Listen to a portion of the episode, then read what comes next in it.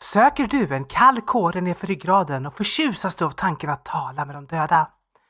Är 1920-talets Sverige med all dess glitter och glamour något som lockar dig?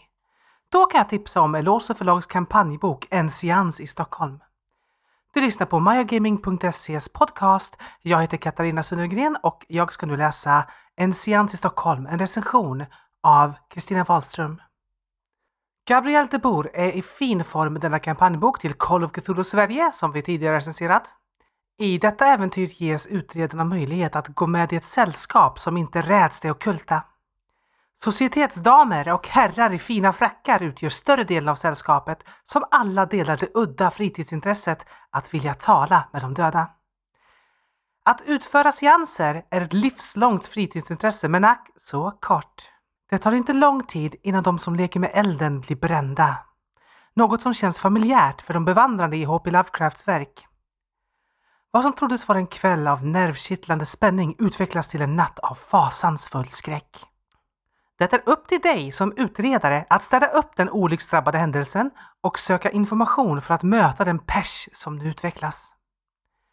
Det är en balansgång mellan att få reda på mer om det fördolda och hålla sinnet i schack.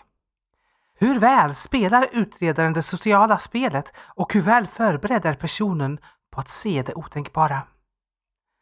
Spelledaren ges särskilt stora möjligheter att utifrån eget tycke och smak välja hur utredarna först kommer i kontakt med sällskapet, hur de tas emot och hur lång den första delen av äventyret ska vara för att passa spelgruppens intressen. Kan det vara så att utredarna är framstående personer inom det okulta eller har djupa fickor och att det eminenta sällskapet därför tar kontakt? Kan det vara så att utredarna är bekant med någon som redan är insyltad i, jag menar utövar, det udda intresset att tala med de döda? Kan det vara så att utredarna anlitats för att undersöka sällskapet utifrån deras otroliga skryt om att kunna utföra riktiga seanser? Valet av hur utredarna först kommer i kontakt med sällskapet kommer att färga resten av kampanjen. När det kommer till den grafiska formgivningen hade jag sett den något mer luftig. Texten är något trång och kampanjboken hade med fördel inkluderat fler av Joseph Diaz och Peter Sandbergs stämningsfulla illustrationer. Vid enstaka tillfällen i kampanjboken fann jag även ett tappat ord eller felstavning, inte något som ändrade betydelsen eller försvårade tolkning av regler, men något som var distraherande och skedde tillräckligt ofta för att vara nämnvärt.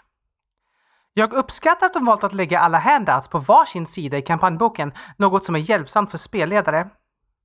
I slutet av boken finns även en beskrivning av 1920-talets Stockholm, där de olika stadsdelarna och viktiga platser för kampanjen benämns.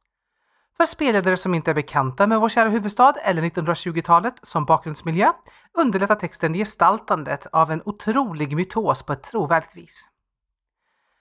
Sammanfattningsvis är En seans i Stockholm ett fasansfullt förtjusande äventyr som erbjuder spelledaren en enorm frihet att bygga ut, ändra på eller ta bort detaljer för att passa just sin spelgrupp.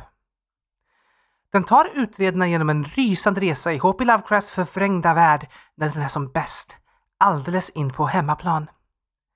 Äventyret hittar du i webbshoppen för Eloso förlag eller på andra platser där rollspel säljs. En sista uppmaning innan du går. Se till att hålla hårt i ditt sinne så du inte tappar det.